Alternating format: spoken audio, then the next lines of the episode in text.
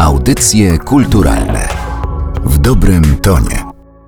Przy mikrofonie Aleksandra Galant zapraszam do kolejnego spotkania w audycjach kulturalnych. Dziś mam nadzieję, że porozmawiamy o łączeniu sprzeczności, przynajmniej pozornych sprzeczności, a także o tym, że można w nich znaleźć coś wyjątkowego, niezwykłe połączenie, które po chwili wydaje się naprawdę trafne, a to za sprawą najnowszej wystawy w Kordegardzie Galerii NCK, w której możemy oglądać wystawę pod tytułem Wenus Schulz-Kranach, a więcej o niej opowie jej kuratorka pani Katarzyna Haber, która przyjęła zaproszenie i jest gościem naszego dzisiejszego spotkania. Dzień dobry. To może zgodzi się Pani, żeby zanim porozmawiamy o tym połączeniu, które odnalazła Pani między tymi dwoma wybitnymi artystami, opowiedzieć coś o nich samych. No bo tak jak czytam w opisie wystawy, dzieli ich wszystko. Czasy, w których tworzyli, religia, style, wszystko, a jednak nie do końca. Bardzo ciekawy przykład takiego miksu kulturowego, ale również próba pokazania zmiany optyki, zmiany perspektywy. Od pewnego czasu w wystawiennictwie jest w ogóle taki pomysł, żeby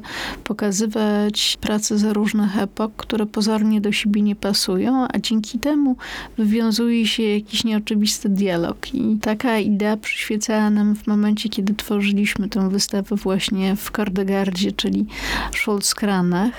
Może powinnam powiedzieć Kranach Schulz, ale tutaj o tym zestawieniu Schulz-Kranach, czyli właśnie tej kolejności decyduje ilość prac. Mamy zdecydowanie więcej prac Brunona Schulza niż prac Kranach. To jest ponad 20 prac. Może zaczniemy od tych prac, które znajdują się na wystawie dzięki uprzejmości Muzeum Narodowego, bo to są prace wykonane niezwykłą techniką. To w ogóle fantastyczna technika, kliszwer, taka technika znana znana jeszcze w XIX wieku. Wiemy, że między innymi Delacroix w tej technice pracował. Technika, która oparta jest na technice fotograficznej. Szersza nazwa tego to jest heliografia, czyli po prostu praca ze światłem, ale okazuje się, że to jest technika, która również jest interesująca ze względu na dosyć dużą wierność odbitek. Matrycy są praktycznie pozwalające na bezstratne, jeśli chodzi o jakość, kopiowanie.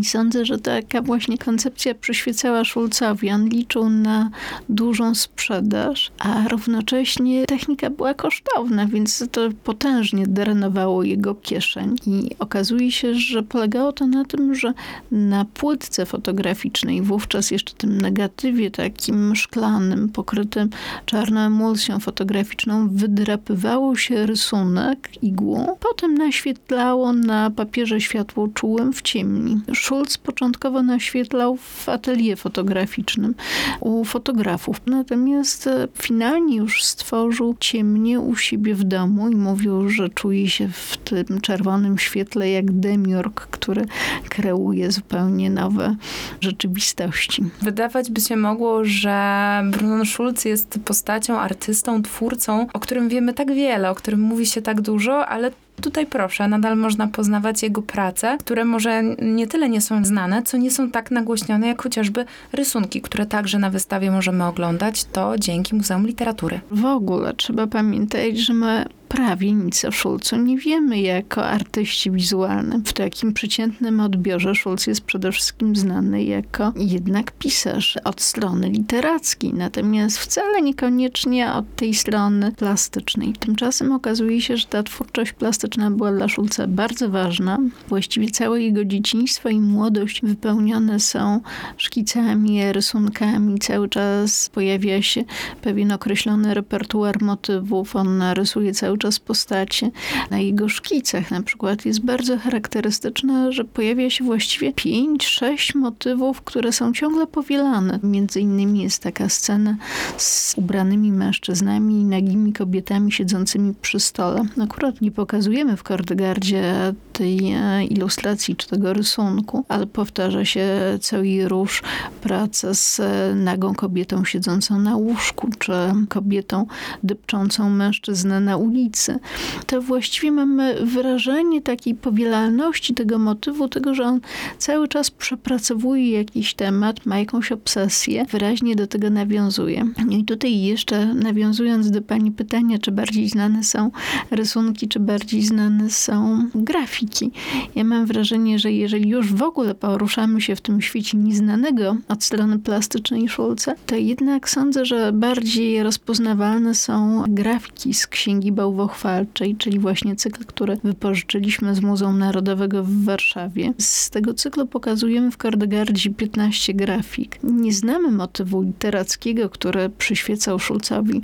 Do niedawna sądzono, że to jednak jest oparte na takiej jego fantazji, trochę czerpie z motywów baśniowych, legendarnych, ale nie było takiego ewidentnego źródła. Tymczasem w tej chwili szulcolodzy są skłonni uważać, że tym źródłem literackim mógł być wczesny tekst Szulca, zatytułowany Undula, opublikowany zresztą pod pseudonimem, pod pseudonimem Marceli Veron w 23 roku w czasopiśmie newciarskim. Sponsorem tego artykułu, tego tekstu był wówczas szwagier Szulca. To jest taki młodzieńczy tekst zatytułowany Undula. Drukujemy zresztą ten tekst w katalogu wystawy, bardzo pięknym, przygotowanym przez dział wydawniczy Narodowego Centrum Kultury. Właśnie w tym tekście Undula pojawia się przede wszystkim ta bohaterka, Undula. Dziwne imię, takie niespotykane zupełnie. Imię, które nie funkcjonuje. I ta Undula również pojawia się w księdze bałwochwalczej. I stąd no, takie podejrzenie, że jednak to jest tożsama z tekstem literackim Undula, że to jest być może taki fenomen kobiecości, właściwie w którym zawarta jest pewna ambiwalencja, bo ona jest z jednej strony ikoną, jest taka niedościgła, omalże eteryczna, a z drugiej strony ona staje się niszczycielką mężczyzn. Być może, że pierwowzorem dla Unduli była siostra Szulca, Hanula. Jest taka zachowana korespondencja Szulca z psychiatrą, w której psychiatra obnaża fascynację Szulca. Opisuje, że widać, że na jego twórczości plastycznej piętno wywarła służąca Adela, z którą Szulc miał styczność w dzieciństwie. Natomiast Szulc prostuje i mówi, że nie tylko Adela, ale również ta jego starsza siostra Hanula miała na niego przemożny wpływ. No i tutaj zasadniczo wydaje się, że mamy ten motyw literacki, że ta undula właśnie z tego młodzieńczego opowiadania jest tym źródłem, tą bazą dla księgi bałwochwalczej.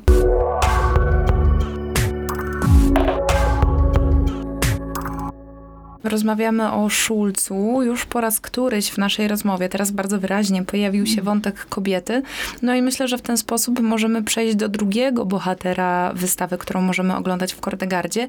Lukas Kranach starszy. On pojawia się tu właściwie trochę niespodziewanie, bo żeby sięgnąć do jego twórczości, musimy cofnąć się o kilkaset lat wstecz, no ale jednak ten motyw kobiety trochę rozwiązuje zagadkę, to pytanie o to, dlaczego ci dwaj artyści zostali w Kordegardzie zestawieni. I tutaj zawracam do pytania, które postawiła pani na samym początku audycji o biografię artystów. Trzeba pamiętać, że Szulce i Kranacha dzieli wszystko. Nie jest to tylko czas, to nie jest tylko epoka, ale również to jest kwestia pochodzenia społecznego, w ogóle pochodzenia, a oprócz tego kwestia religii i również status materialny, ponieważ Kranach był artystą spełnionym. To był artysta, który odniósł sukces materialny. Przyjaźnił się z Lutrem. Był artystą, który wprowadzał na północ od Alp takie pierwsze promyki reformacji, chociażby właśnie w takiej śmiałej erotyce, ale tworzył na zamówienie bardzo zamożnych ludzi, między innymi na dwór książęcy. To były zamówienia pochodzące no właśnie z tych sfer arystokratycznych, więc też odbiór Kranacha był zupełnie innym. No i Kranach był rzeczywiście artystą spełnionym, dlatego że miał pracownię, miał warsztat, tworzył dzieła malarskie, tworzył również dzieła graficzne, ale oprócz tego Kranach miał aptekę i również miał tartak. Rzeczywiście on startował z zupełnie innego poziomu materialnego niż biedny Schulz z zasymilowanej żydowskiej rodziny, który całe życie borykał się z bardzo potężnymi problemami finansowymi. W gruncie rzeczy jego praca w gimnazjum jako takiego nauczyciela rysunku, dosyć niedocenianego przez środowisko, bardzo go uwierała. I wracając do Kranacha, mamy właśnie tę wspólną płaszczyznę zbudowaną paradoksalnie międzypokowo, ponieważ tym wspólnym mianownikiem jest śmiałość. Ta śmiałość w przedstawieniach sensualnych, w tej erotyce. Kranach pracując dla odbiorcy, który jest przygotowany, który jest świadomy, może sobie pozwolić na więcej. On wprowadza akty kobiece, które są w gruncie rzeczy pokłosiem takiej filozofii miłości wywodzącej się z neoplatonizmu. Wprowadza ten reformacyjny homocentryzm, reformacyjny czy renesansowy no i tworzy sylwetki kobiet, akty kobiece, które noszą w sobie takie piętna ambiwalencji. One są z jednej strony niesamowicie sensualne, ale z drugiej strony one są niebezpieczne. Łączy się to piękno, zmysłowość, eteryczność z drapieżnością. Jest takie przesunięcie i u Szulca, i u Kranacha tej roli kobiety. Ona przestaje być przedmiotem, a staje się podmiotem. Ona przestaje być tylko i wyłącznie takim fetyszem w męskim ujęciu, natomiast staje się sprawcza. Zaczynamy ją postrzegać jako tę siłę sprawczą, jako silną jednostkę, która może manipulować światem. Przypadku znowu tych kranachowskich ujęć, tam jeszcze nie mamy zmarginalizowanego mężczyzny. On też jest istotny u Kranacha, ale te kobiety są generalnie niebezpieczne. Widać, że one się przede wszystkim uśmiechają w niebezpieczny, złowrogi sposób. One mają takie ponure twarze przy całej swojej sensualności. No i tutaj znowu nawiązanie do Szulca, że kobiety Szulca są też niebezpieczne. One mają po prostu tę zagadkową siłę, która sprawia, że są przez Szulca samego przedstawiane o wiele wyżej w hierarchii bytów, chociażby ze względu na to, jak wyglądają. One są takie niedosięgłe z punktu widzenia właśnie swojej pięknej urody, swoich strojów, no dosłownie z wiedeńskich żurnali mody. A z kolei mężczyźni szulcowscy, przeważnie nadzy, są przy nich tacy dosłownie skarlali, jak takie nieudane dzieło demiurga. Chciałam jeszcze, może na moment odrobinę tylko odchodząc od sposobów przedstawiania kobiet, przejść do takiego stwierdzenia, które znalazłam na temat Szulca, że można o nim mówić jako ideowym potomku Kranacha i zastanawiam się, czy to wychodzi poza ten sposób przedstawiania postaci. Twórczość plastyczną, artystyczną Szulca cechuje pewne podejście takie magiczne, baśniowe, nierealne. Ta granica między strefą magiczną a rzeczywistą jest często przekraczana. Na pewno te wątki Kranacha są zdecydowanie bardziej rozpoznawalne. One są oparte na Biblii, oparte na mitologii. Natomiast wiemy, że Schulz, ucząc się rysunku, wiele kopiował i, i myślę, że ten Kranach był gdzieś w sferze jego zainteresowań. Więc można tutaj pociągnąć tę linię dziedziczenia właśnie od Kranacha do Schulza, ale dziedziczenia przede wszystkim właśnie takiej śmiałej, niesłychanie tak naprawdę w swoich epokach przekraczającej przyjęte normy obyczajowe sfery sensualnej. To sądzę, że przede wszystkim jest ten punkt, który łączy obu artystów. A żeby na własne oczy przekonać się, co łączy twórczość Brunona Schulza i Lukasa Kranacha starszego, warto udać się do Kordegardy, gdzie do 28 sierpnia można oglądać, podziwiać wystawę Wenus Schulz-Kranach, której kuratorka pani Katarzyna Haber przyjęła zaproszenie i była gościem dzisiejszych audycji kulturalnych. Bardzo dziękuję. Audycje kulturalne w dobrym tonie.